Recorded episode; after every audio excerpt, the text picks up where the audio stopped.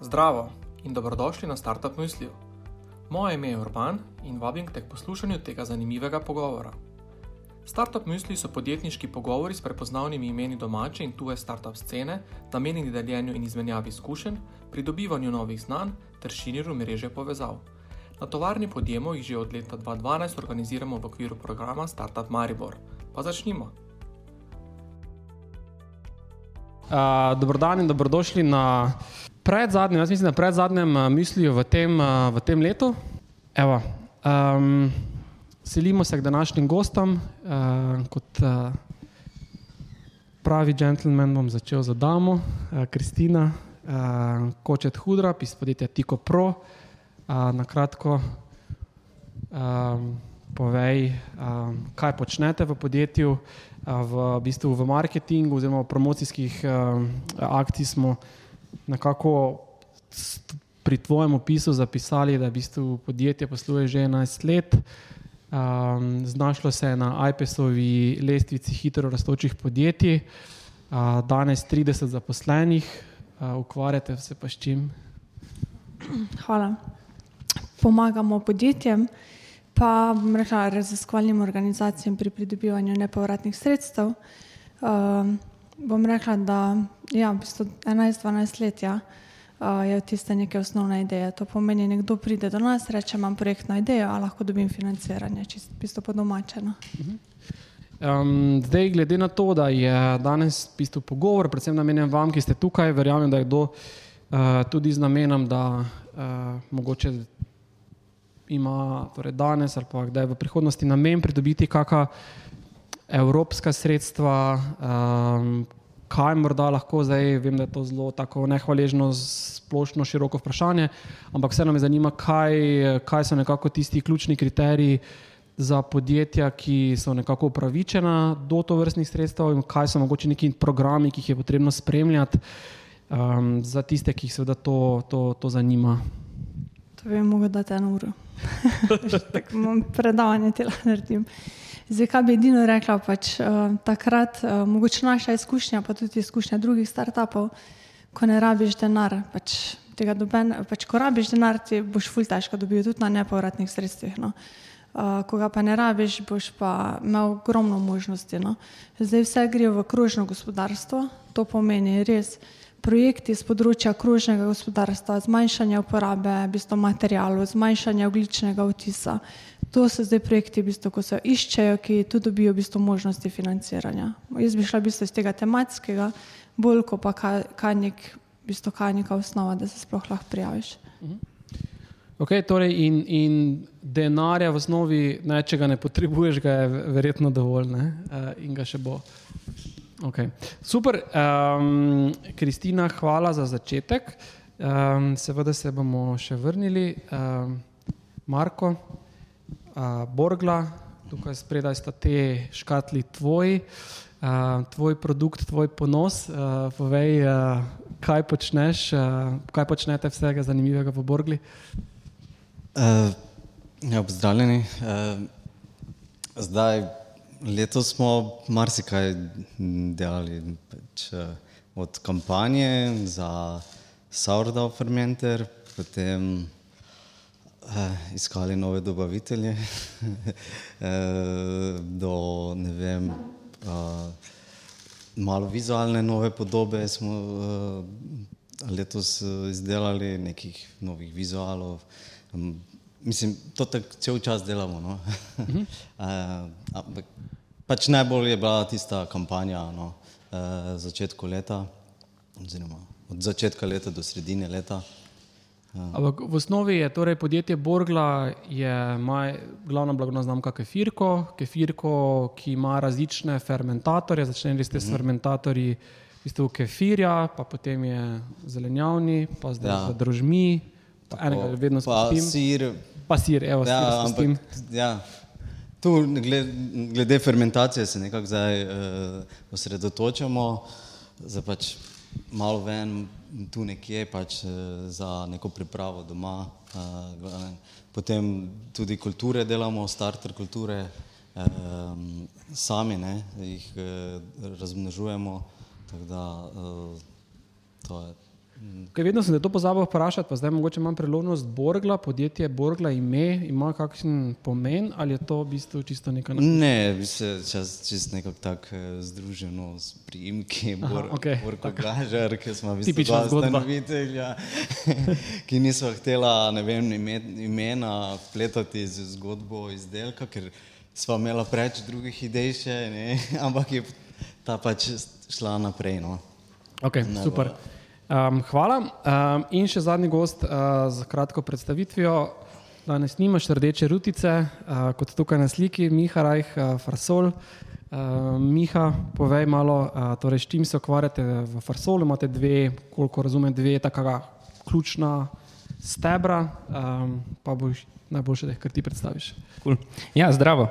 Uh, Farsol se v osnovi ukvarja, torej, tako kot si omenil, dva stebra. Uh, en je osredotočen na to farmacijo oziroma life science industrijo, potem imamo pa drugega, ki je fokusiran na zaščitno opremo. Torej, v obeh primerih smo deloma proizvajalci, deloma distributerji, torej predvsem v farmaciji imamo neke svoje produkte, s katerimi smo polovili tudi dosti razpisov uh, in se trudimo v bistvu biti potem nek aktiven distributer na področju farmacije, kar nam zdaj v zadnjem času uspeva. ne. Um, potem pa hkrati pa vodimo še blagovno znamko Farsol Protect, uh, pod to pa tržimo v bistvu delovno in zaščitno opremo. Uh, začeli smo pred COVID-om, uspešno rastemo in ja, nekako poskrbimo za varnost oziroma zaščito, varnost in udobje, kot bi lahko rekli, nek slogan naš, zato da delavci v bistvu lahko varno delajo. Super.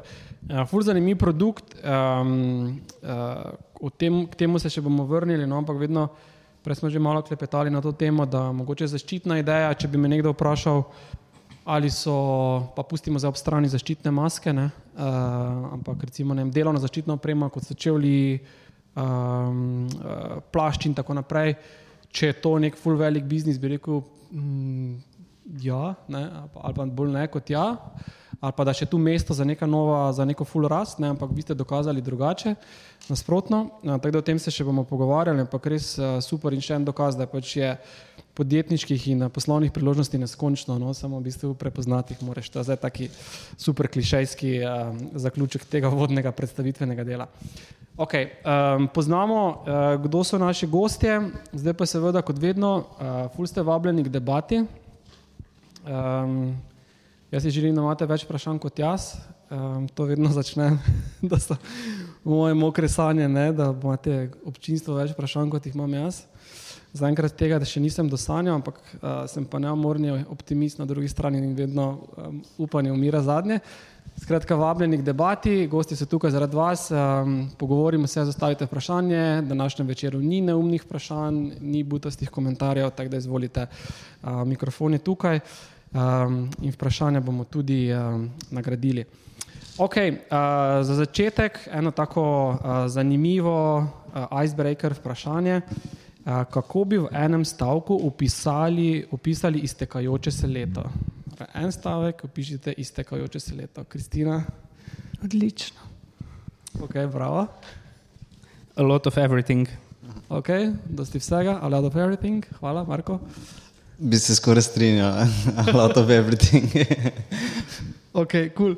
Zdaj, um, podjetja so tudi tukaj, ne, tematika je, zakaj rast ni samoumevna in kako jo obdržati. Ne. Zdaj, uh, naslov tega pogovora in uh, gostje niso skombinirani v bistvu po naključju. Ne. To so podjetja, ki so več let zapored beležila več kot 10-15% letno rast uh, v bistvu prihodkov. A, in to več let v bistvu zapored. No? In um, ravno ta, o tej rasti, o v bistvu rasti podjetja, prihodkov in tako naprej, se bomo pogovarjali danes, ker je preprosto december je običajno tisti čas, ko, delate, ko delamo neke v bistvu, uh, obračune um, ali pa zaključke leta uh, in je to neka taka primerna tematika. Skratka, vse povezano s to rastjo je danes nekako tematika pogovora in glede na to, da vaše dobre rezultate imate na to več kot uh, uh, super argumente, da o tem debatirate. Okay, zdaj ste me presenetili s takimi kratkimi odgovori na to prvo vprašanje, ampak sam sem si kriv, zakaj sem rekel en stavek. Uh, zato nadaljujemo. Um, z drugim vprašanjem, ki je uh, sledeče. Ne? Prizim, najprej povejte, ali ste vsi na začetku vaše biznis poti napisali poslovni načrt? Ste? Miha, vem, da ga je, ne? zato ker je dobil 5-2, pa SK75, ko ga je mogel napisati, Marko tudi, ne, Kristina, ti pa ga nisi. Okay, pa, pa ti ne boš odgovarjala na to vprašanje. Miha, pa, um, pa Marko, pa torej v poslovnem načrtu zadnjem, ki ste ga napisali, kaj so številke kazale za, za leto 2022. Uh, in uh, ali so številke vse približno zadele poslovne rezultate, ki bomo jih drugo leto v maju zagledali v iPesu? Ja, uh, šel sem gledat od uh, zadnji poslovni načrt SK75. Um, vem približno na kak način smo ga pisali, ne, to je bilo pač tako približno. Um, ampak ja, se ujema, mislim, mi ujemajo se prihodki, ne ujema pa se nič dostalega. je pa res, da pač, ja, mi, mislim, mi smo pivotirali, treba razumeti, mi smo pivotirali oziroma razvijali neke nove brende zraven in je ful težko narediti nek osnovni poslovni načrt na štirih brendih, ki jih imamo. Ne. Celokupno kot Farsol nismo nikoli naredili celotnega poslovnega načrta za posamezne brende, smo jih, ampak um, prihodkovno gledano, ja, ok, smo zadeli, ampak to se nam je malo sralo, uh, ampak ostalega pa ne. Okay. Zdaj, omenil si, da ste pivotirali. Ne? Torej, vaša ta izvirna ideja je bil v bistvu taki krioholder, oziroma da je kako lepo to po slovensko poveš, to, kar je tista napravica, tista pinceta za eprovete. Ja, ja, v bistvu je nek tak aluminijast svinčnik za prenos zamrznjenih kriovijal v farmaciji. Uh mhm. -huh. To je bil naš osnovni produkt, iz katerega smo izhajali. Um, in takrat smo v bistvu se full time podali v to, spet vajem SK75 um, medtem ko smo pač prodajo tega dosegli še kasneje. Potem, Tako da ja, mi smo pač tudi razvijali in nove brende in na nek način še pivotirali zraven ostalo. Okay, in zdaj, če se v bistvu ne, um, uh, te vprašam, bistvu, zakaj ste iskali poleg, zakaj ta, v bistvu, ta, ta nosilec oziroma ta pinceta uh, ni bila dovolj, zakaj ste iskali še neke druge poslovne priložnosti, kot so v tej zaščitni opremi. Bilo to nekaj, kar je bilo čisto stihijsko in je nekako kot priložnost se pojavila pred vami in ste preprosto jo zagrabili in izkoristili, ali ste v bistvu načrtno iskali neke nove prihodkovne kanale, neke nove izdelke, ker preprosto s tistim ni bilo dovolj rasti, ni bilo dovolj prihodkov, kakorkoli niste bili zadovoljni poslovno gledano. Ja, v bistvu, kar smo mi ugotovili, je, da ko smo pisali poslovni načrt za ta krijo holder, uh, smo se fully fokusirali, da mi poznamo trg, da mi vemo, kaj prodajamo, da mi vemo, kako velik je trg. Ampak potem na neki točki, ko smo mi to začeli prodajati, pa ne glede preko katerih kanalov smo mi to delali, pač smo na nek način malo fejlali. Nikjer se pač ni zadeva premaknila. Ne? Uh, in potem logično, itak je že frustracija ful visoka, ne, ker, oziroma ful velika, ker dejansko se ne premakne oziroma se ne premika tako hitro, kot želiš. In potem se je pojavilo, kaj to je bilo 2019, priložnost, itak, ker smo imeli neke ustaljene distribucijske kanale, da se podamo tudi za zaščitno opremo. Ne. In to je bilo bolj kot ne pač tako podarjeno na mizi in smo rekli, zakaj pa ne. ne. Uh, in od takrat dalje v bistvu ja, razvijamo tudi to zraven. Zdaj ti uh, imaš poleg uh, v bistvu Farsola, ki ima to blagovno znamko Farsol, pa Farsol Protect, si ustanovil še dva, tri, uh, druga, druga start-up podjetja, pa start-up pobude, mogoče se nam od tistih malo poveš, kaj tam počnete. Um. Ja, v bistvu mi smo začeli 2013, uh, je bilo prvo podjetje, to je bilo MyBiba, uh, to je bilo res way back z tremi kolegi. Uh, Uh, še zraven. Uh, v bistvu je bil aluminijast nastavek, ki si ga privil na plastenko vode in ti je naredil bonk uh, za kajenje trave. Uh, to je bilo, mislim da, mislim, da je bilo to 2012-2013. Uh, dost smo bili stigmatizirani takrat, uh, nobena banka nas ni želela videti. Uh, v bistvu smo bili full pred časom s temi zadevami. Ne? Mi verjamemo, da če bi pač prišli s tem mogoče pet let kasneje, bi bilo full dobro in bi pač ful ratala. Ful zanimiva stvar je tudi, da takrat smo recimo bili v finalnem izboru za to, da bi vstopili na Štartaj Slovenija, ki je takrat začel svojo to pobudo, ampak so bili pač v komisiji, ja, mogoče pa ravno niste pravi produkt za nas.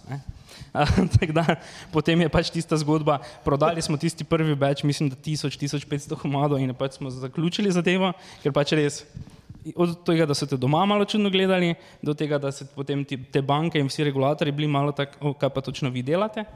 Uh, Tako smo reči zadevo zaključili. Uh, potem, ja, zraven tega smo pa se še nekaj teh startup veščin priučili v tem bio-startup organizaciji, ki smo jo v bistvu vodili tekom našega faksa, torej na biotehnički fakulteti.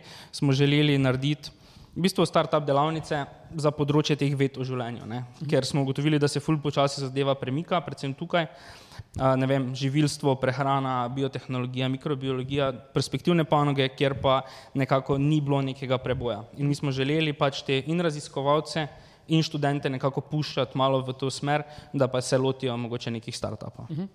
Cool, super. Ta ideja z bongom niti nisem vedel, uh, ful dobro. Um, uh, Marko, uh, isto vprašanje, skratka, začeli smo s poslovnim načrtom, pa z številkami, ki so kazale v stolpcu uh, pod 2022. Uh, mogoče to si pogledal, uh, kaj so kazale te številke, ali se s tem uh, realnim stanjem uh, ujemajo. Ja, Nekako eh, edini poslovni načrt, ki se ga spomnim, da smo ga naredili, je bil za 5-2. To je bil malo pozneje, kot smo začeli. Koliko let nazaj? 2015. Aha, 2015. Uh, pa potem, uh, mislim, da moraš projekcijo za tri leta naprej uh, napovedati. Je bilo kar, uh, mislim, da je bilo samo za par tisoč evrov odstopanja. Ne? Res? Ja, tako Bravo, da. en, en aplaus, prosim. Za, ja, ja, bravo. Uh, to, Ampak čisto To je bilo smešno, ker smo bolj čez tri leta še morali ne, neko poročilo oddati, eh, pa, pa, smo, pa nam je bilo res zanimivo. Niti nismo vedeli, ne, pač, eh, ampak pač. Um, um, ja. Okay, tako da imaš v Ampak bistvu. ni, nismo pa nekaj kalkulirali, si, niti nismo nekih kalkulacij delali, eh, pač tako nekako eh, po občutku, ne, kaj bi lahko bilo. Ne, Okay. takrat. Ste planirali, da boste imeli toliko produktov, kot jih imate danes uh, na trgu? Ali... Mi smo mislili neko drugo zgodbo iti, ne, da bi celo um, več brendov imeli, ne, za vsak izdelek svoj brand. In pa Potem smo v nekem trenutku, da ja, to je malo preveč, ne, pol za ne vem, promocijo. Um, mogoče, ker vseeno ne, ne, neki uh, skupina kupcev oziroma uporabnikov je vseeno uh, enaka. enaka ne, in pol škoda, da te tu tri brende uh, bi ne, tlačili zraven. Mogoče to vprašanje, zdaj ko si ravno pri brandih, ne, zdaj uh, vi ste v bistvu začeli tudi kefir, ko se je začel zaradi uh, fermentatorja kefirja. ne. Ja. In je brand je v bistvu kefirko, ki simbolizira to, kar ste počeli. Zdaj z rastjo, pa z novimi izdelki, pa ste v bistvu delali fermentatorje, ki nimajo s kefirjem načeloma nobene veze. ne. Ja, ampak smo tu vseeno pustili, da je ono tisti začetek, da ostane, ne, Okej. ki smo ga imeli. Uh, in pač Ste imeli ideje o neki novi blagovni znamki, uh, ki je malo bolj splošna ali pa nad samim, samo vertikalo? Uh, mogoče, ampak zdaj zaenkrat smo še vedno tak, ker smo v tem fermentiranem. Ne, uh, pa to je, ne, da nas to vseeno nekako povrne tisti začetek in da vemo, odkot izhaja. Tako malo ste da sentimenta naj- sentimentalni ja, do tega. Okay. Mogoče ni to vreme, ampak Ne, sej, če kupci to načeloma dojemajo pravilno, je to, je to super. Ne? Um, ampak gotovo, ne, kar si pa omenil, je verjetno to, da bi delali več lotenih brendov. Zdaj, ko imate izkušnje, vidite, da je vsak ločen brand, je ogromno stane upravljanje ja, tega. Ja. Uh, Tudi vem, na začetku nismo imeli uh, te gravure na, uh, na steklenicah, potem smo dodali, ker smo vedeli, okay, ne, smo mislili vsak brand potem na steklenici. Mislim, ja, pač vse gre. veliko začetnih predpostavk ja, se je malo ja, ja, razplinilo. Ja. z- Se pol pač uh, iz- nekako kristalizira. No? Mhm, Okay. Cool, super. Uh, Mag že kdo kako vprašanje, da ga pogledam, poškilim. Ne, en, dva, tri. Ne. Okay. Um, za vse bi, bi, bi poprašal, pa bom začel s teboj, eh, Kristina, da ste v bistvu uh, za, torej za krmili vaših podjetij ste več kot pet let.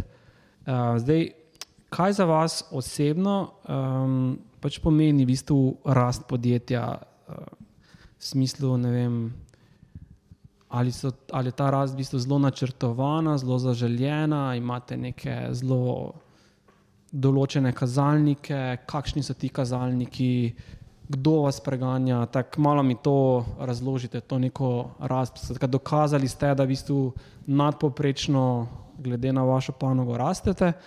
Um, zdaj pa kako dojemate to rast? Uh, Pri nas je v bistvu načrtovana rast. No. To pomeni, recimo, primer tri leta nazaj. Ja, smo prav rekli načrtno, da ne bomo rasli, ker smo recimo zamenjali direktorja, oziroma direktorico. Pa smo rekli, ok, rabimo, da se ekipa mogoče recimo konsolidira, da procese v bistvu v podjetju naredimo. Ali? In je tudi, uh, so bili sami načrti za in finančni in kadrovski narediti na tak način, da ostanemo nekje na istem in nam je bil v bistvu pač drugi cilj. Uh, recimo lani, konc leta, smo rekli, ok, prihaja v bistvu leto, ki ga je treba izkoristiti. Ali?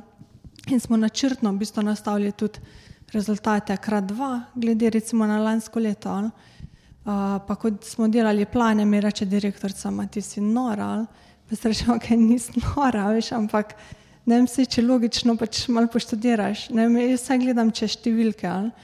Uh, jaz mislim, da imamo ful dobre možnosti, da to naredimo, pa ekipa je super, skupaj smo zdaj res recimo pet let primerali, uh, nismo imeli nekih kadrovskih menjav, edino, kar so dodatno prišli. In to je ful pomembno pač v naši branži, da imaš ti konstantno ekipo, da, ni, pač, da niso v bistvu sodelavci, sodelavke, ko prihajajo, odhajajo, ampak da imaš ti res v bistvu ljudi, na kere se lahko zaneseš. Ali na podlagi tega smo tudi rekli, da okay, gremo narediti tak, pa tak, recimo, plan, kaj potrebujemo za to. Ali. In isto za drugo leto, ravno zdaj smo imeli ta teden čisto ne take uh, zanimive debate, kaj bomo drugo leto. Uh, so se spet vsi za glavo držali? Ne, še nismo, še, ker bomo še ne vejo. Ampak kaj je fajn, pač vodja prodaja, ona me ful spodbuja. Ali? In reče, ok, le, gremo, gremo pogledat, pač res pragmatično. In je full fajn, če smo pač ene tri, štiri take v ekipi. Ali, ko rečemo, vredo, to so naši cilji, full pomembno je, da se ukvarjamo sami sabo, uh, itak s trgom, ampak da se ne ukvarjajo z kaj nekdo drug dela, po kateri poti on šel, ampak ok, kaj je naša, bistvo pot našega podjetja. Ali. To nam je vizija, bistvo vsako leto. Kaj si mi želimo, uh, kakšne projekte bistvo želimo narediti kakšne cilje dosečno. In odkar delamo na tak način, bom rekla, da večina planov tudi uh, ponovadi presežemo se za ne 5 do 10 odstotkov letnih. Uh -huh. um, tako da to, jaz bom rekla, da če je, če je možnost v sami branži, pri nas je možno, da ti za eno leto naprej narediš neke korake, pa se tudi recimo zavestno odloči, za kaj boš rastel ali pa za kaj ne boš rastel. Tudi da ne rasteš, da je, nekaj, je čisto ok. Ali.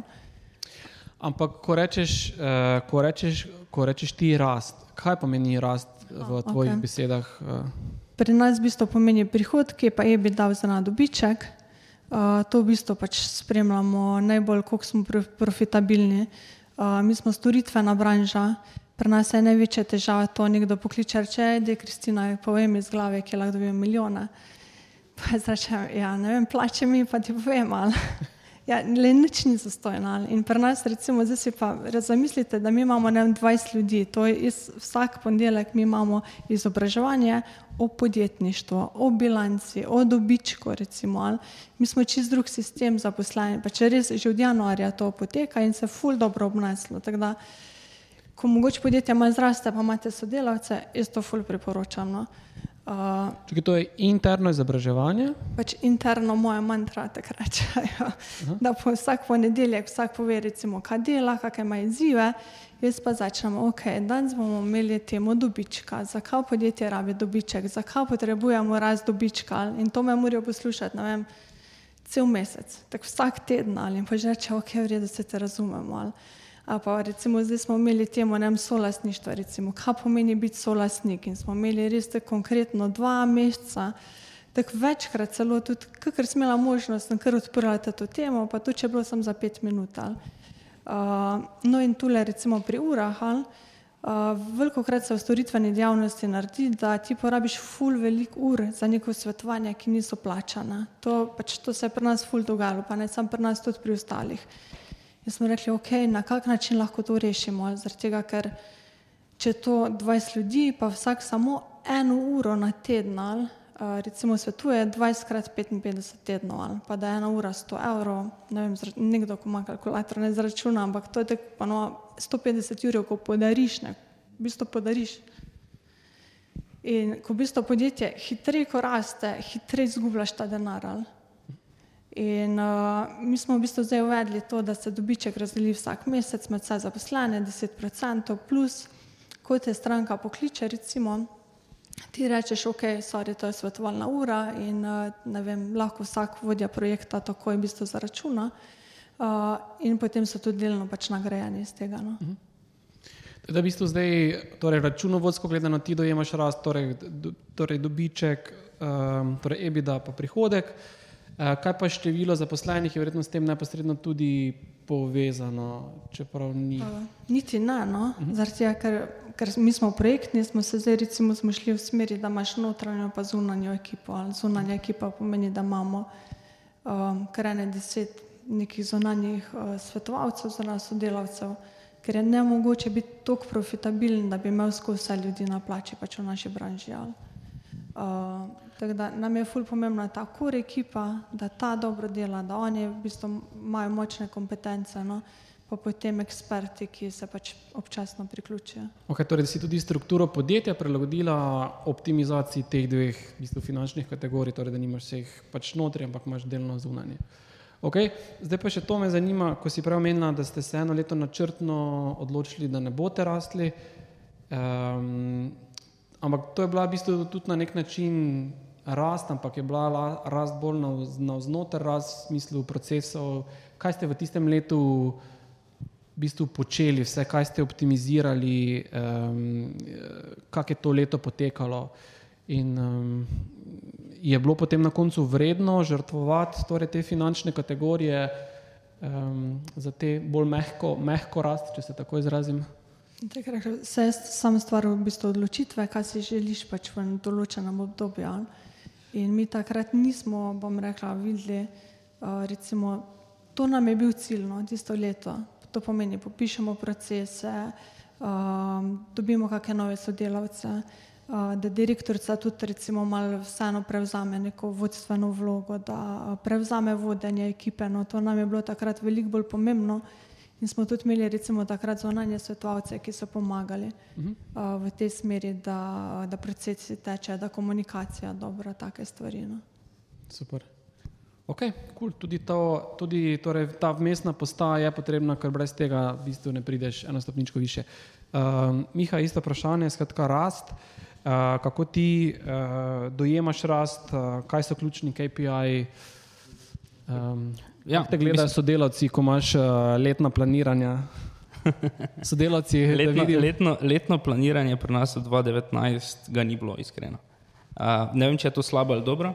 Uh, mi, ko smo se vrgli pred korono v zaščitno opremo, med korono, uh, vse, kar sem uspel gledati, je število izdanih računov, pa stanje na bančnem računu, iskreno.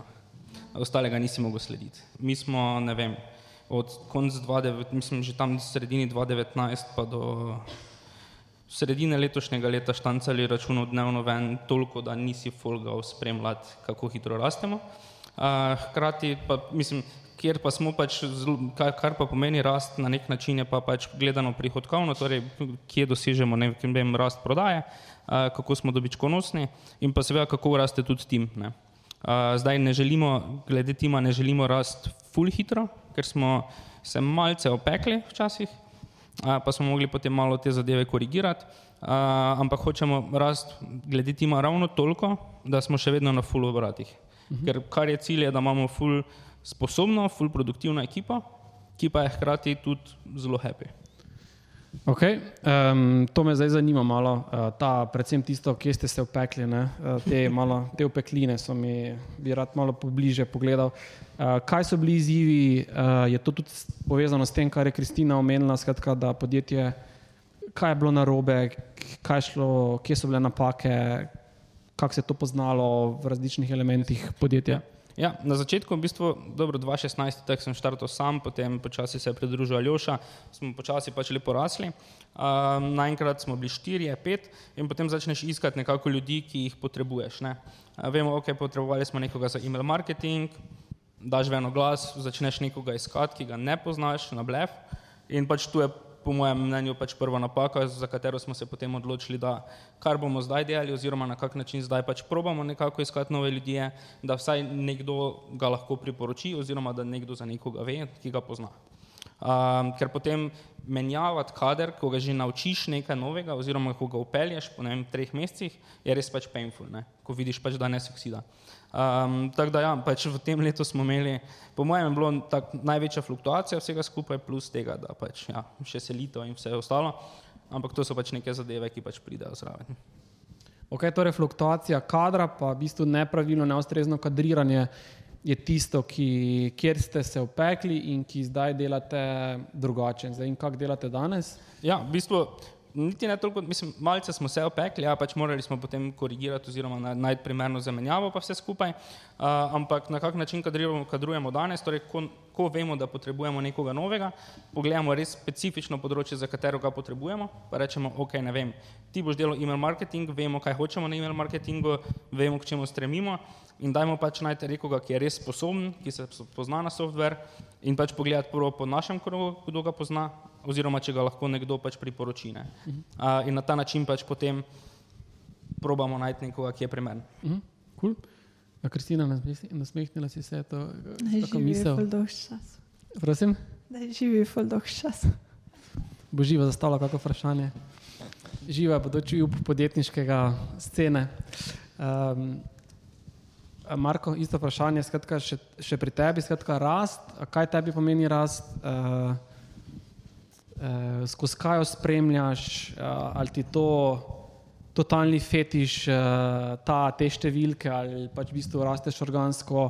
Letos, um, ko smo malo klepetali, ne bo tako leto, kot mogoče si ga načrtoval, si zdaj ful razočaran, um, malo nam deli to, te razmisleke glede rasti.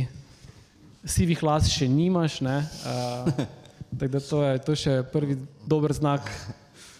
Eh, ja, mi imamo tako nekakšne skoke, ne, kako pride produkt, kako naredimo neko kampanjo.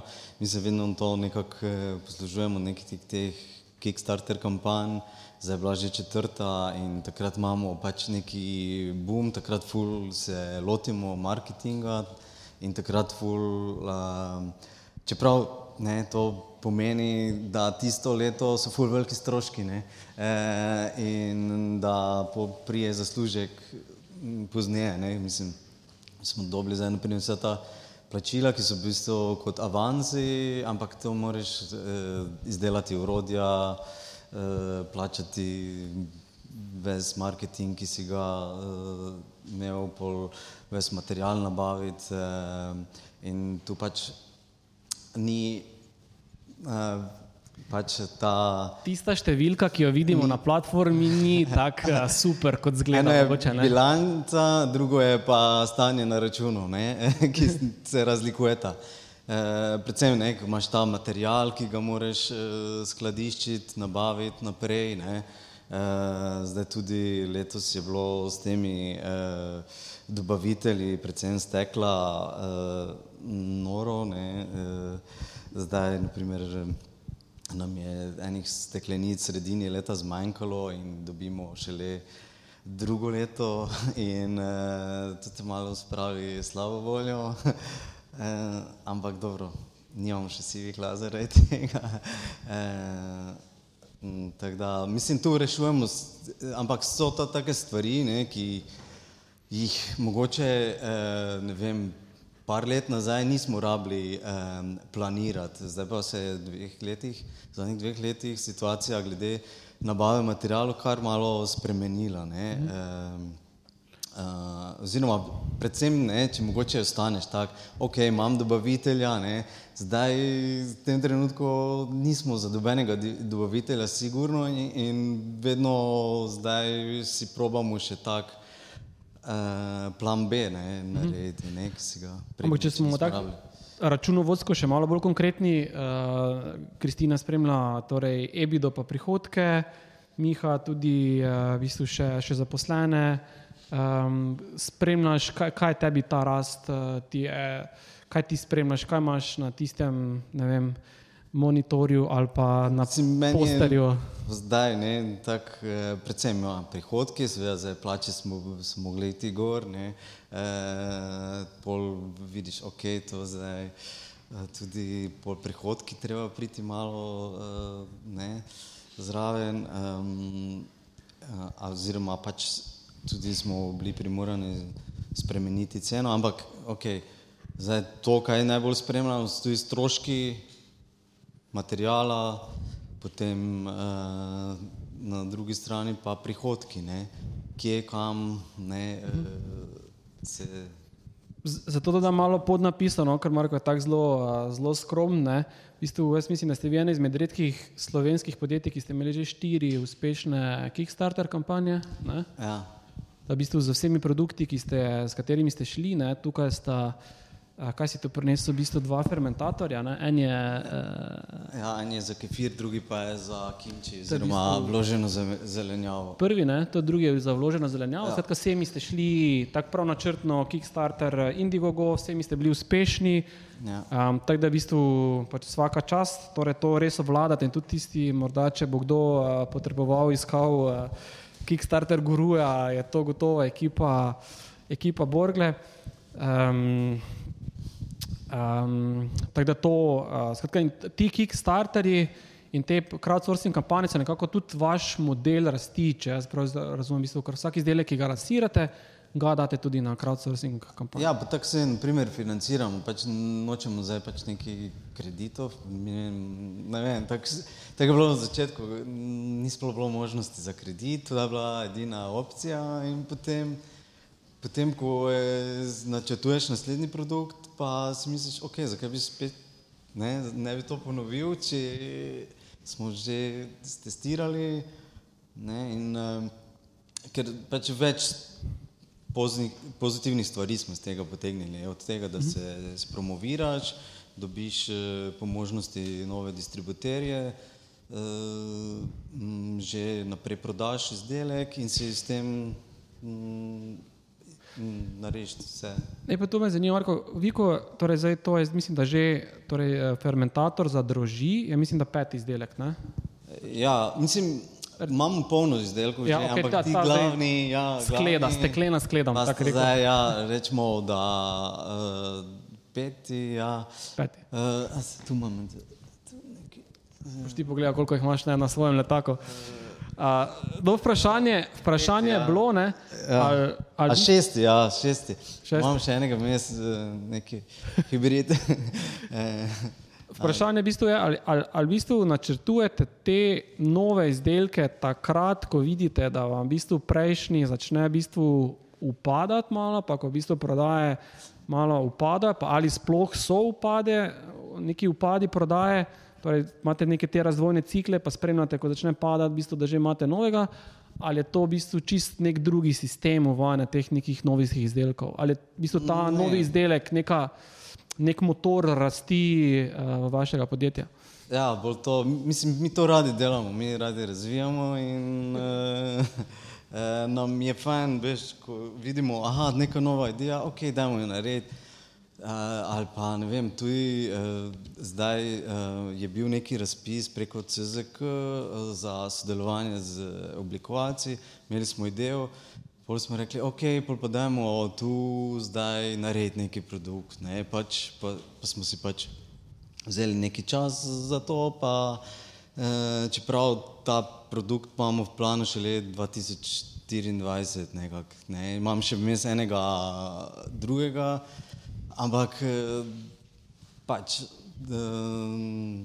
probamo loviti nekaj, pa da se neke stvari eh, zložijo. Ne, tako. Okay, tako da nimate zdaj tako ful strogo, če zdaj prav razumem, tako zelo strogo po kvartalih na leto, uh, kazalniki, število prodanih, ko to začne padati. Uh, Ne, ne, ker tako tudi vidimo, ne, eni produkti šele čez dve, tri leta komaj se pokažejo, da so mogoče pravi uh -huh. kanal našli ali pa neko uh -huh. zgodbo. Uh -huh. um, tako da, uh, naprimer, Mm, Večji fermenter se mi zdi, da se je šele zdaj nekako začel, ne? pa smo ga že dve leti nazaj dali na trg, mm -hmm. začel prijemati. Ne? Uh, pa, To v resnici ne, pove, ne, ne razumem, kaj s tem uh, večjim fermenterjem delaš. Uh, tako da Ja. bi bom vesel, če me malo razsvetliš, mogoče kdo drug ve. Okay. Okej. Uh, fermentator zelenjave, uh, kdo ve, kaj bi s tem počel. Ja, ok, super, me veseli. Ga že imate? Ne, še sem pa se sama že poskusila fermentiranje zelenjave. Aha, ok. Super. Evo. Uh, mislim, čist preprosto. Ne, ko so uh, nekdaj ne vem, zelje fermentirali v velikih posodah, mi pač delamo to uh, nekako mikro uh, zadevo, da v, lahko v kuhinji imaš. Ne? Uh, ampak zdaj, zakaj večje, pač, zato ker lahko različno zelenjavo daš, ne? pa zač, različne začimbe dodaš in potem imaš od korejskega kimčija do ne vem, eh, fermentiranih kumrc, do uh, fermentiranega uh, zelja ne? in karkoli, no? ni, ni zdaj tu uh, pač. Okay, zanimivo. Uh, Viš, to je en taki velik trg, ki ga sploh v resnici ne poznamo. A, cool, kako vprašanje mogoče na tem mestu? Okay.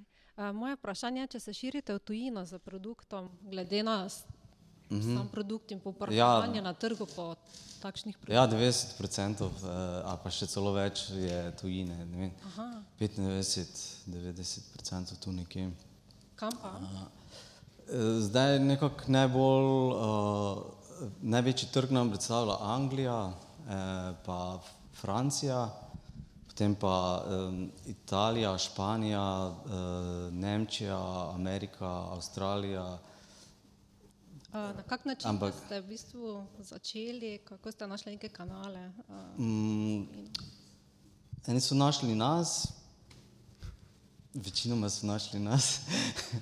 e, potem ne vem, kje na kakšnem sejmu, s kom smo prišli skupaj. E,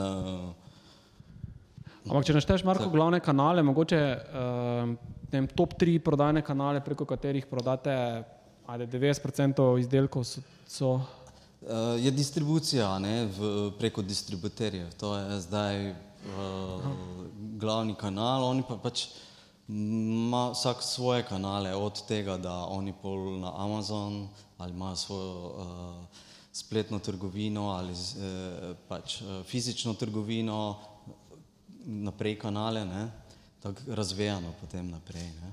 Uh, nek procent pol pa ne vem, spletna trgovina.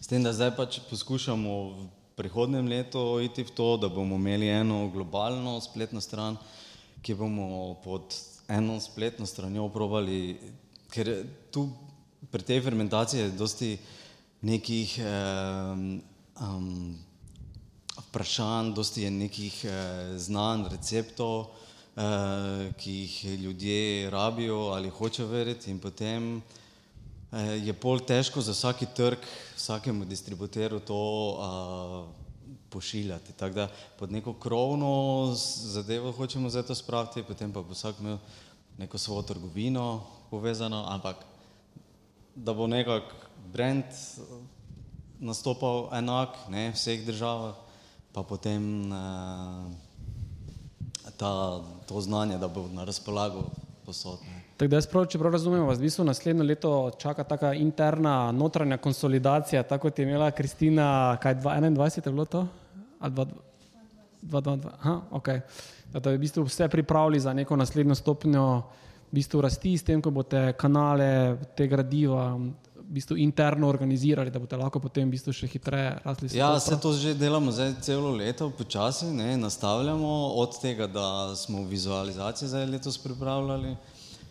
Pač, ampak to je pač samo en del tega. Ne. Uh, celo leto se že pripravljamo, ampak tudi mi včasih gremo tako korak naprej, korak nazaj, dva naprej, spet enega nazaj. Ne. Da, da malo premel, premeljamo, da se ne zaletimo. Ampak to včasih traja bolj predolgo. da malo pofermentirate odločitve.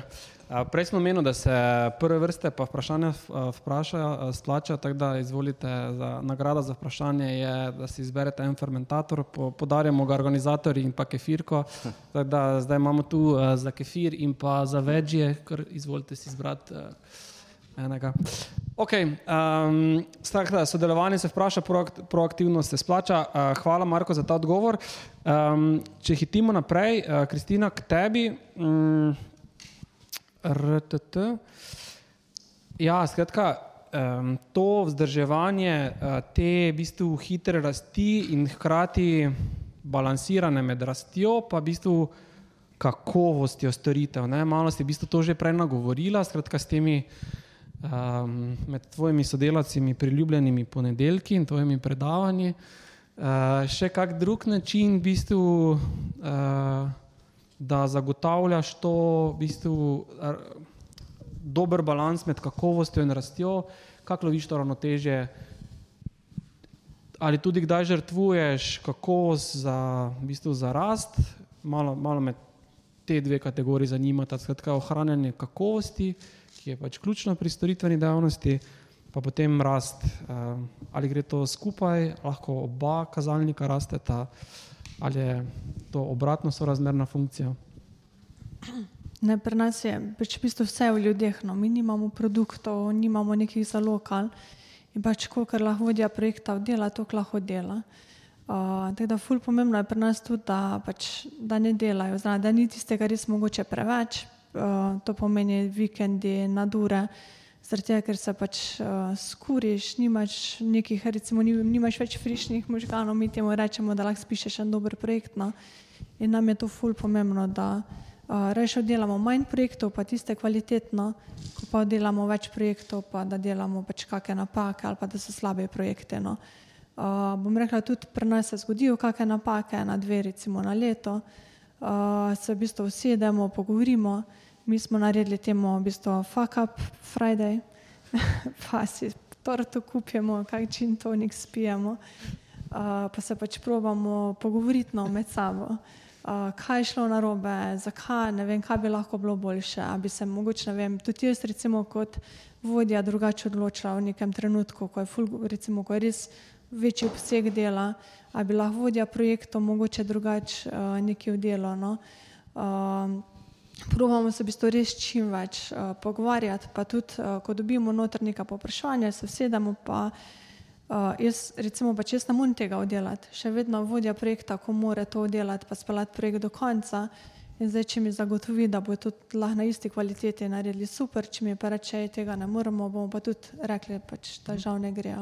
E, kako merite kvaliteto? Ker v bistvu imate eno številko, ne vem, kje sem jo prebral, da je v bistvu imate ta success rate 90%, kar je, se mi zdi, tak, res, res visoka številka. Je torej odstotek pozitivnih vlog ali pridobljenih projektov tisto glavno merilo, ultimativno merilo kakovosti ali, ali še kaj druga spremljate? To, nega, to nedavnega je pre meni bilo samo to. In je to bil ful pritisk v bistvu in na mene, in na vodje projektov. Uh, dejansko smo sami sebi pritisk delali, uh, da pač morajo vsi projekti dobiti financiranje. Oziroma, prvo je pritisk bil na prodajo, da pripeljejo noter ful dobre projekte.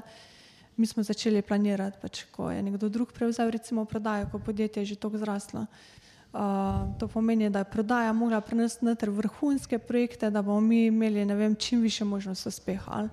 Potem smo delali pritisk na vodja projektov, pač da, ja, da mora recimo, vsak projekt biti uspešen.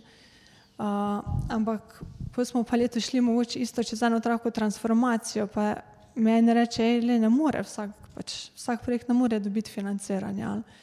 Uh, in smo rekli, ok, le, smo naredili vse, pač, kar je bilo v naši moči, super. Ali uh, ga lahko mogoče še kam drugam pač prijavimo.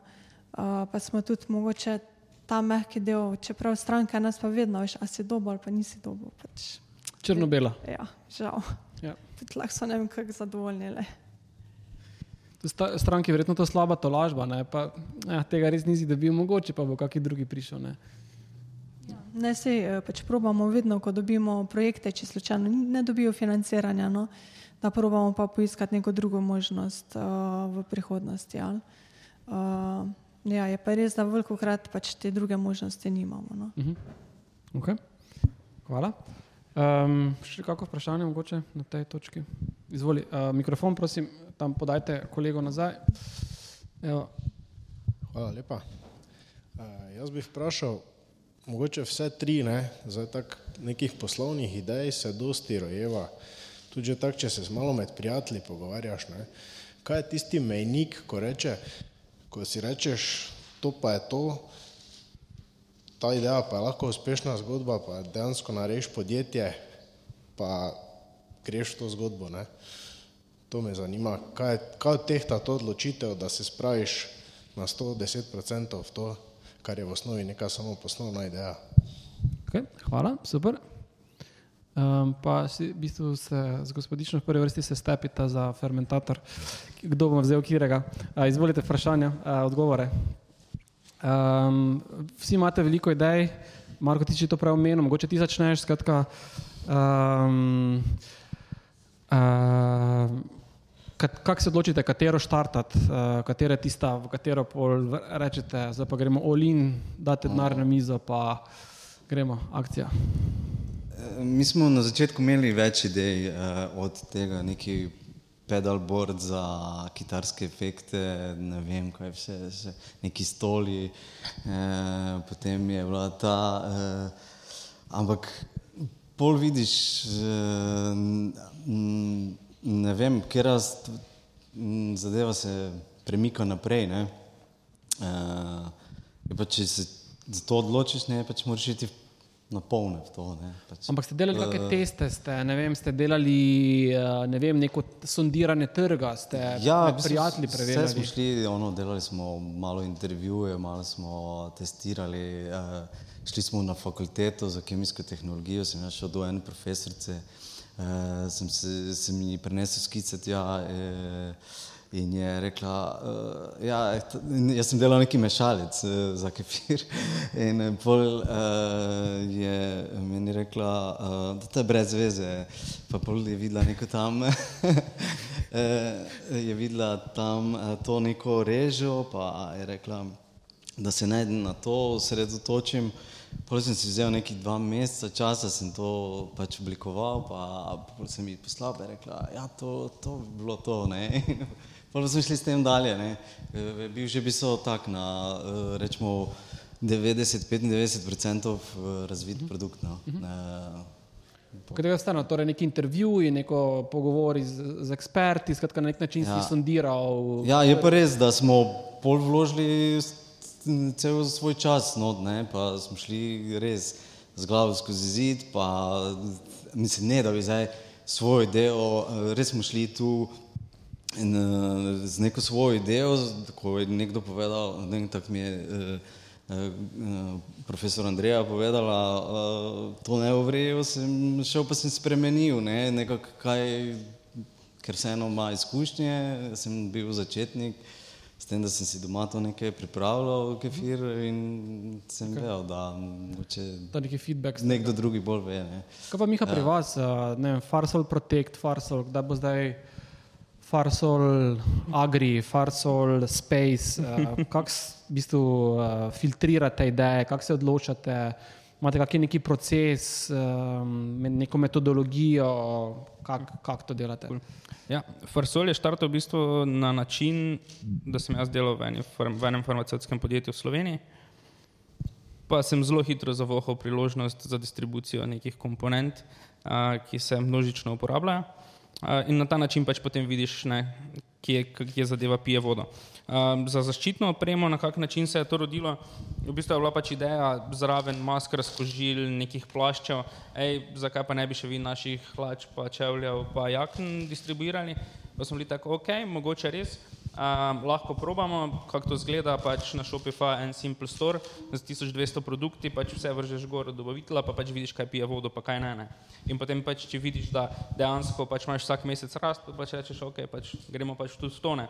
Uh, zdaj za neke dodatne produkte ali pa nove produkte pa je mogoče zdaj malo lažje, ne? ker mi zdaj dejansko imamo platformo, ki je večjezična in potem, ko stranka pride do tebe in opažaš, ne vem, katere produkte bolj išče oziroma ko pač iščejo nekaj, česar mogoče na trgu ni ali pa pač ne vem, še v Sloveniji ni, potem bistveno lažje dodaš. Ne.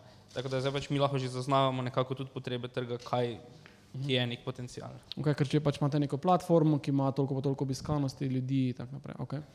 Dobro, zdaj vam je laže. Uh, Kristina, uh, mogoče ni toliko vprašanje za tako storitev, ampak vseeno, ne, verjetno imate tudi vi za, za ekipo veliko, veliko nekih idej, kaj bi še lahko počeli, uh, nekih novih storitev. Um, imate nek, nek formalni postopek vrednotenja, odločanja, kaj ja, kaj ne, planiranja, kako imate to? Um, nimamo, recimo, zdaj, čisto konkretno, mi smo prvo delali recimo, slovenske razpise, to pomeni pri nas na ministrstvo.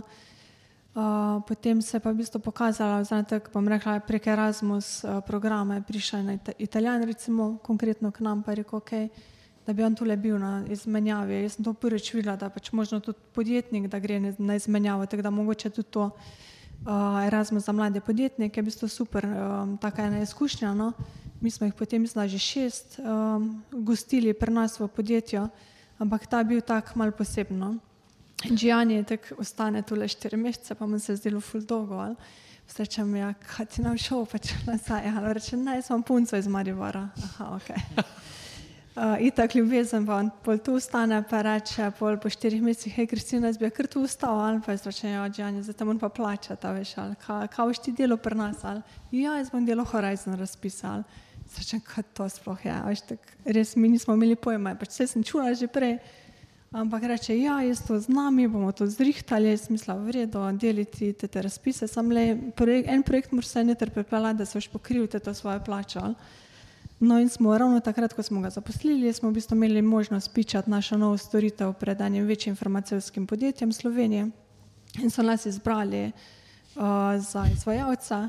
15 milijonov projekt uh, in on jih je čisto navdušil, jaz sem rekel, vredo, če govorite angliško, le bomo zrihtali vse in je projekt dobo financiranja in je tudi en izmed redkih projektov, spoh na tak način, da dobo v Sloveniji, pač slovensko podjetje, da dobro financiranje. No. Uh, še zdaj delamo v bistvu te razpisano, uh, ampak recimo, če ne bi bilo njega, ne bi po mojem nikoli začeli. Uh, potem tudi imamo razpise, primer na Hrvaškem, isto v bistvu smo videli pač neko priložnost, ko pri nas ni bilo toliko novih razpisov, ok, mogoče jih pa um, na Hrvaškem full več. Ampak uh, mi nikoli brez kakega plana, pač v preteklosti in ful denarja smo pač po pravici izgubili zaradi tega. No? Uh, ker mogoče nismo razmišljali na kak način, pa da recimo Hrvaška ima ne, trikrat več konkurence kot v Sloveniji, da vsi to itak pač že poznajo, da se na en kol prijavi 1500 firm, ne tako pri nas to. In je v bistvu kar en tak šok lahko za podjetnika. No? Uh, uh, ko začne novo storitev ali na novem trgu, no, da če tega pač prej ne pogleda. Torej, Giovanni je bil tisti zaslužen za vaš naslednji razvojni cikl. Uh, Heta se. Um, super, mm, hvala si, da bi odgovor. Okay, um, evo, malo še nam je časa ostalo, um, tako da zdaj bi se tako zelo, uh, bi prosil kratke odgovore, ker še imam pet vprašanj. Um, Če bi mogli izpostaviti en ključni element vodenja, uh, ki vpliva na poslovni uspeh, ali to vem, um, upravljanje denarnega toka, ali to vodenje ekipe, ali to spremljanje konkurence. Tak eno stvar, mogoče izberite, kaj se vam zdi najpomembnejše za vaš poslovni uspeh. Tako zelo na kratko, torej to je to, pa kratka argumentacija. Uh, ena stvar, Kristina. Jaz bom rekla komunikacija. Pa to ne pomeni, v bistvu samo pač vodenje ekipe, no, ampak res, kako ti z ekipo komuniciraš, z ekipo ali pa strankami komuniciraš v bistvu neke stvari. No. Uh, lahko rečemo, ne vem, ko podjetje raste, kako boš ti ekipo, ne samo, sploh ne govorimo o motivaciji, ampak kako jim razložiš, zakaj bi pa zdaj recimo rastli. Ali ali pa zakaj gremo, ne vem, zdaj v nek sistem solastništva, ali pa zakaj, ne vem, pri nas je pač večinoma, ko imajo sedmo, osmo, v bistvu stopnjo izobrazbe in ne moremo reči, da je pa, pač nekaj naredi, ali njih vedno fuj zanima, pa mora, mora imeti nek globje pomen. Uh, in se mi zdi v bistvu ta komunikacija, pa medsebojno zaupanje, no, da je to ful pomembno uh, pač pri nas. Super, komunikacija, zaupanje. Hvala, Miha. Bi se strinjal s sogovornico, bi pa še dodal mogoče, da ne, neko vse splošno prepoznavanje priložnosti. Ne. Mi, smo, mi, mi danes ne bi definitivno ne bili tukaj, kjer smo pač porasti in povsem, če pač dejansko ne bi prepoznali nekih priložnosti, ki se bodo zgodile v prihodnih treh letih in jih zelo dosledno šli eno za drugim pač izpolnjevati. Uh -huh, uh -huh. bi, to je še en ključen faktor, se mi zdi. Ja, pač super, tako sistematično prepoznavanje, spremljanje trga, prepoznavanje priložnosti in potem šuc skočiti. Ok, Marko, zdaj, sorry, zdaj tretji. Ja, jaz se tudi strinjam, komunikacija bi še mogoče rekel, tako neko aktivno delovanje, da si cel čas pripravljen na vse te neke eh, spremembe, mislim, to predvsem zdaj, to leto, za to leto bi to rekel, no? eh, da, si, eh, da spremljaš vse te nekakšne spremembe, da pa hitro reagiraš, tako znotraj ekipe, tako ne vem, eh, od potem zunaj prodaje, pa da ne čakaš, ne vem, da si ne rečeš, ok, mogoče se bomo to počakali, ker se ti vrne nekako, ne, uh, saj pri meni je tako, uh, da, da potem to drago plačam. Ok, torej v bistvu to hitro nekako reagiranje. Super, torej komunikacija, spremljanje priložnosti, um, prepoznavanje pa, pa komunikacija. Ok, super. Um, naslednje vprašanje. Um, Zdaj, kaj bi bila ena taka najpomembnejša lekcija v tem iztekajočem se poslovnem letu?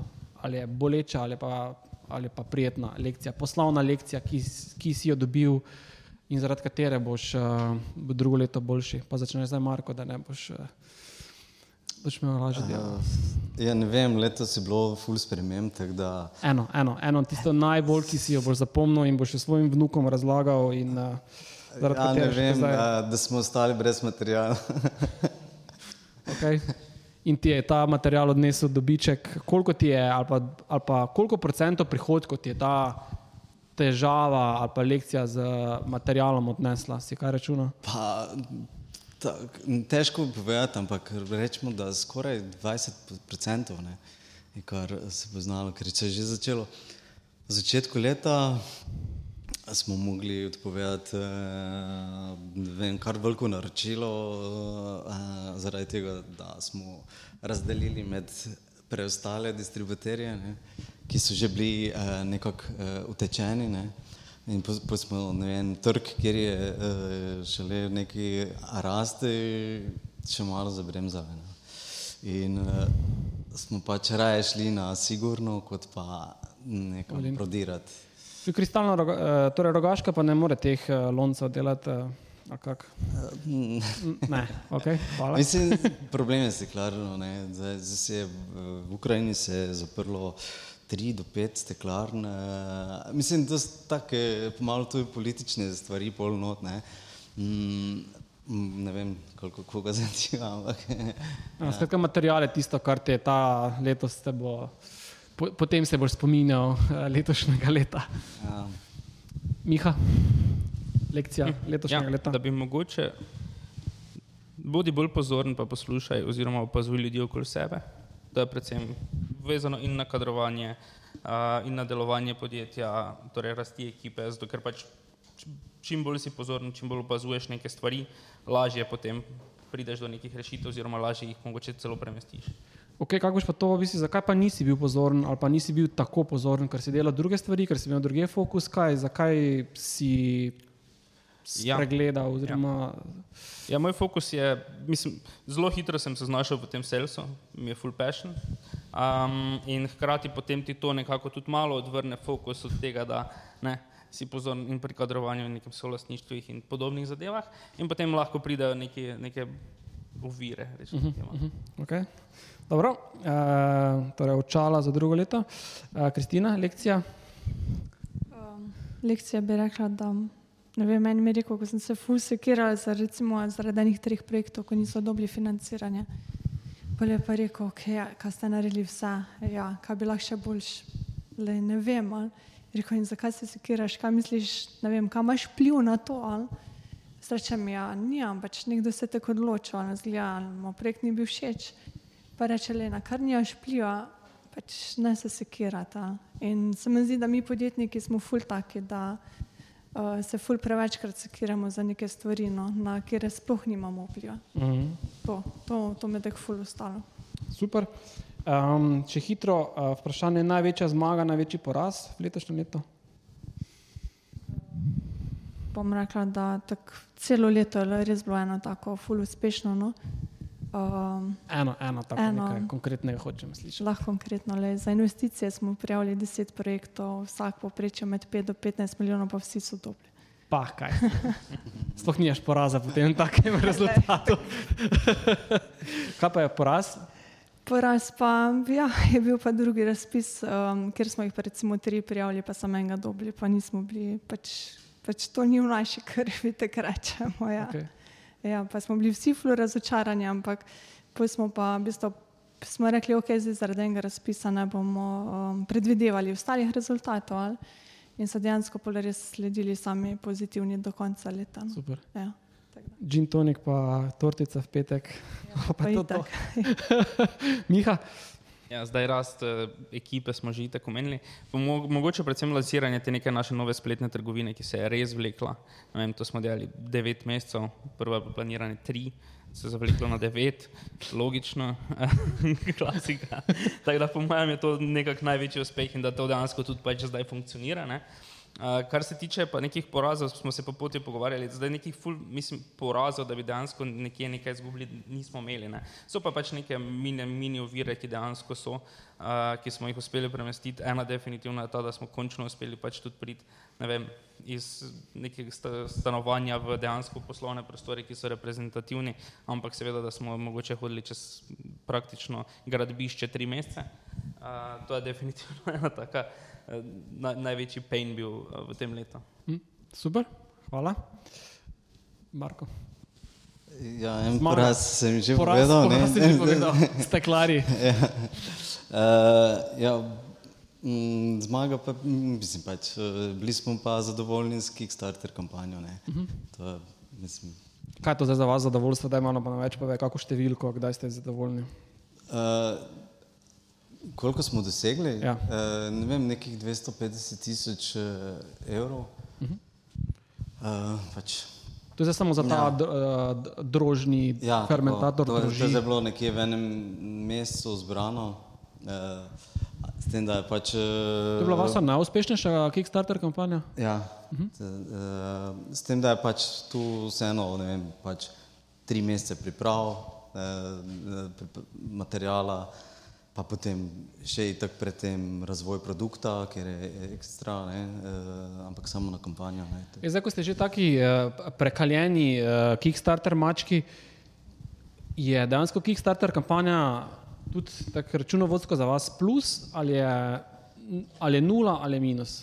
Zdaj že je, ne, ker ni Že je plus? izdelek tak, da ga moramo od začetka razvijati. Ne, in, uh, mi že načeloma imamo razvit izdelek. Eh, in To, torej, Imam torej, že nekaj je, izkušnje. ti štirje so v bistvu isti izdelki, samo enkrat rečete, to je drži, to je za kefir, to je za sir. Ja, pa barvo menjamo. Dobro, dobra, dobra. Um, ja, no, v bistvu je pač za nas je dokaj razlika, ne? ampak zdaj pač nekdo, ki od zunaj gleda, hoče, je dizajn res, uh, so si pol podobni, pač potem imamo to, da vsi na isto steklenico, uh, pač probaš si stroške znižati čim bolj ne? Uh, in bolj narediti čim bolj uh, nekako. Uh, kompatibilno z en, en z drugim, ne? uh -huh. e, pa da lahko celo kje kaj uporabiš elemente od istega, ne? Ja, je. pri drugem, da imaš čim manj različnih e, elementov. Ne? Tako da to je pač včasih izziv, ne? včasih pa se, se kaj pokrajša, po sreči. Super, ja. ne, cool, cool. Ok, za zaključek, um, še zdaj zadnja možnost za vprašanje, prvič, drugič, tretjič, zadnjič. Ja. O, zdravo, živo. A lahko tam podate mikrofon zadaj? Evo. Primo. A, izvoli. Mene vas zanima, vsaka rast uh, prinese tudi nekaj dodatnega dela, dodatne obremenitve, neko negotovost. Uh, Kako se vi trije spopadate s tem, se pravi, na kak način skrbite za svojo psiho, uh, kak imate life-work balance in te zadeve, evo, tako na hitro. Hvala. Evo, super. Kristina, tak, v takem zenu to sprejela, kako skrbiš za svojo psiho, kaj jemliš? Ne. To je zdaj ful težko vprašanje, ker me ščirka tam nekje posluša. Teda zlagati se ne smem. Ne, vse je v bistvu ful težko. No. Uh, pač kar se tiče recimo nekih, ko imamo rukarje, le moraš biti tam, pa oddelati, pa v bistvu biti z ekipo. Uh, jaz drugače pač imam tri relativno majhne otroke. Uh, tako da, recimo, ko prideš domov, ne vem, nekdo, ki ima otroke, jaz ne vem, sploh če lahko razmišljaš še nekaj drugega, ker te toliko kopirajo. In takrat, recimo, uh, sem večina pač z njimi, no? potem imam tudi psa uh, in me to, recimo, meni osebno, ful, uh, ful en tak, uh, da gremo ven, ne vem. Recimo predlani smo hodili še na treninge, tudi letos, zdaj spet razmišljamo, da ima drugo leto se recimo spet pisala v neki Uh, in ko recimo ravno to, ko sem z, pse, z psom v bistvu na poligonu, ima takrat njaš razmišljati, v bistvu sploh ne druge možnosti, ko pa sama bo delo ali ne v delo, ko se ti oni tam dere, če ne delaš prav, pes pa gre po svoje, recimo meni je to fulen tak, res, pač to je za mene, ali mora pa vsak za sebe. Mhm. Super, hvala. Miha.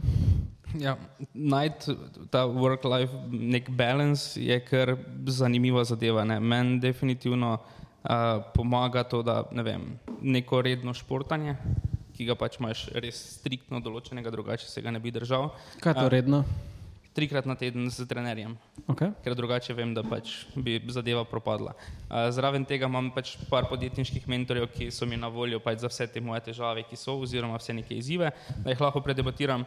Definitivno pomaga to, da imamo spunce tudi psa in pač da potujemo, ker takrat se dejansko lahko odklopim, ker drugače pač to pomeni, da lahko pač jaz delam 16 ur z nekimi pauzami, vmes pa bi bilo to tone. Je fino tudi malo vsiliti, mogoče meni kako pauzo, pa potem ide dalje. Vzameš uh, računalnik na potovanje? Uh, na daljša potovanja ne. Mislim, itak pač imam telefon, je že itak problem spet nazaj. Ponavadi tam odklopim zadevo. No. Okay. Tudi tako srednje, zdaj veljavim, da odklopiš, ampak eh, vreda. Je punca, ki tu da spremlja. Da ne smeš lagati. Uh, izvoliš še ti, Marko. Mm. Pa tudi, ne vem, pač eh, otrok, psa imaš? Ne, ne psa nima, imam otroka, sina. E, ampak dobro, to je včasih, eh, pač ne jemljem to kot sprostitev, ampak pač, mislim, je fajn, no, ampak pač to sprostitev, kaj pa je nekak šport, pa ne vem, glasba, ne, ne vem, pač imam neki band, pa pol, malo igramo. In to je to, no, da malo zažagaš. Metalec, roker. Ne, ne, tak neki alternativni noise, eksperimentalni rok. Dobro, moraš povedati, da imaš koncert, da ga pridemo poslušati. Um, uh, to še mogoče, no, to je super, primož za to vprašanje, pa ti si dal dobro izhodišče, mentori. Uh, kdo izmed vas, poleg, torej, Miha, poleg tebe, še doma kakega mentora, ki mu prirast, pomaga pri teh izzivih uh, rasti, pa mogoče najbolj na tem človeškem vidiku? No? ne toliko pri e-mail marketingu, pa uh, tehničnih stvareh. Máš ti, Marko, kdo je tvoj mentor, guru? Ne vem, če, mi, če imam zdaj pač eno osebo, ampak uh, probam tako iz vsakega malo dobiti nekaj. Ne? Mhm. Zdaj, ali so to neki uh, uh, uh, ne vem, uh, poslovni partnerji, ki imaš pač pol nekak sestanek in pol iz vsakega nekaj dobiš. Uh, iz njegovega zornega kota eh, neko, eh, ne vem, pač neko izkušnjo ali neko mnenje, eh, pa pol probaš to na svoje si ustvariti, pogledati, kaj to za tebe pomeni. Kristina, hvala. Ti si v, zelo aktivna v klubu slovenskih podjetnikov. Imaš tam kakega mentorja, ki ti ful pomaga, ki ti je tvoj tak v bistvu helikopter, na drugi strani mogoče rama, na kateri eh, se kdaj uh, zjočeš, poiščeš kak nasvet. Ja, ja, itak, ja. Zdaj lahko rečem, pa če recimo Jurek Knes iz Devisofta, on nas je recimo, on me osebno navdušil za sistem solasništva, ne vem, že ne 5-6 let. Recimo um, z njim sodelujemo, zraven če rabim kakr take hitre ideje.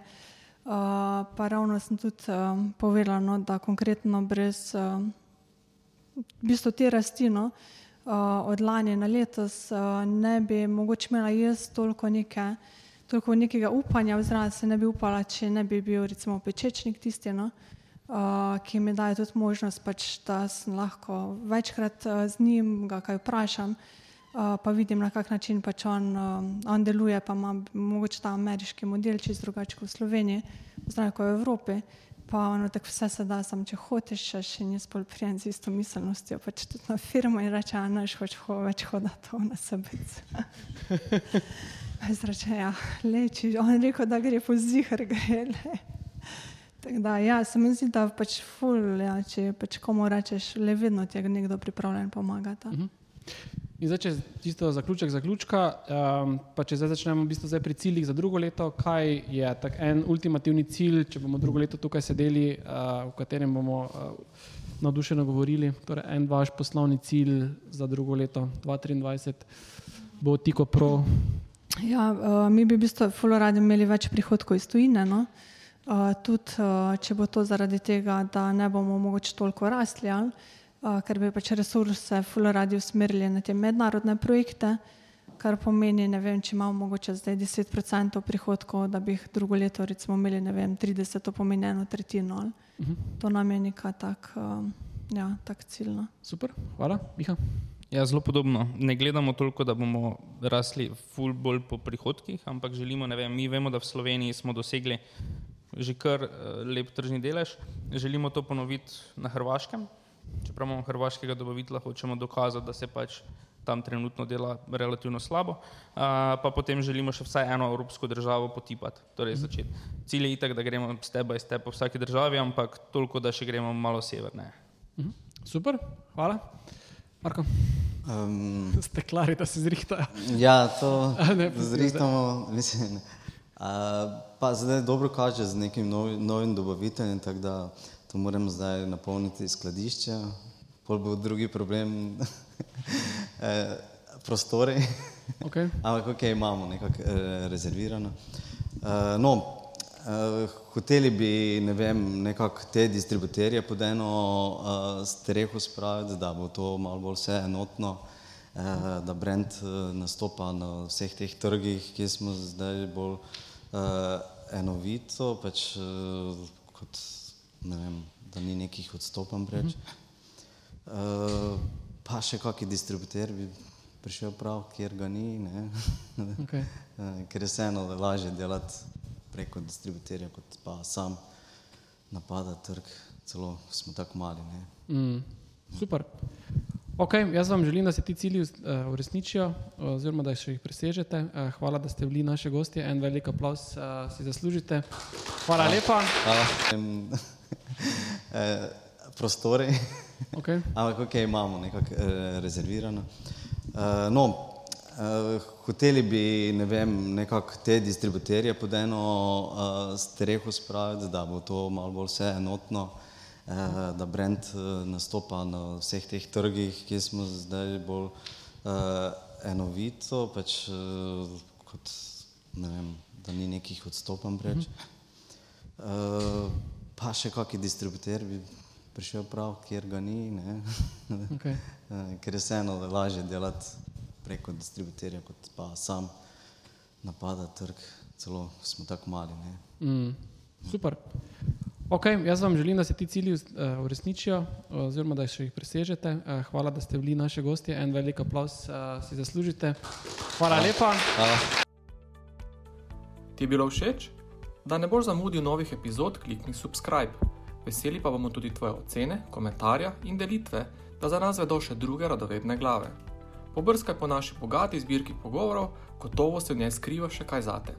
Se slišimo?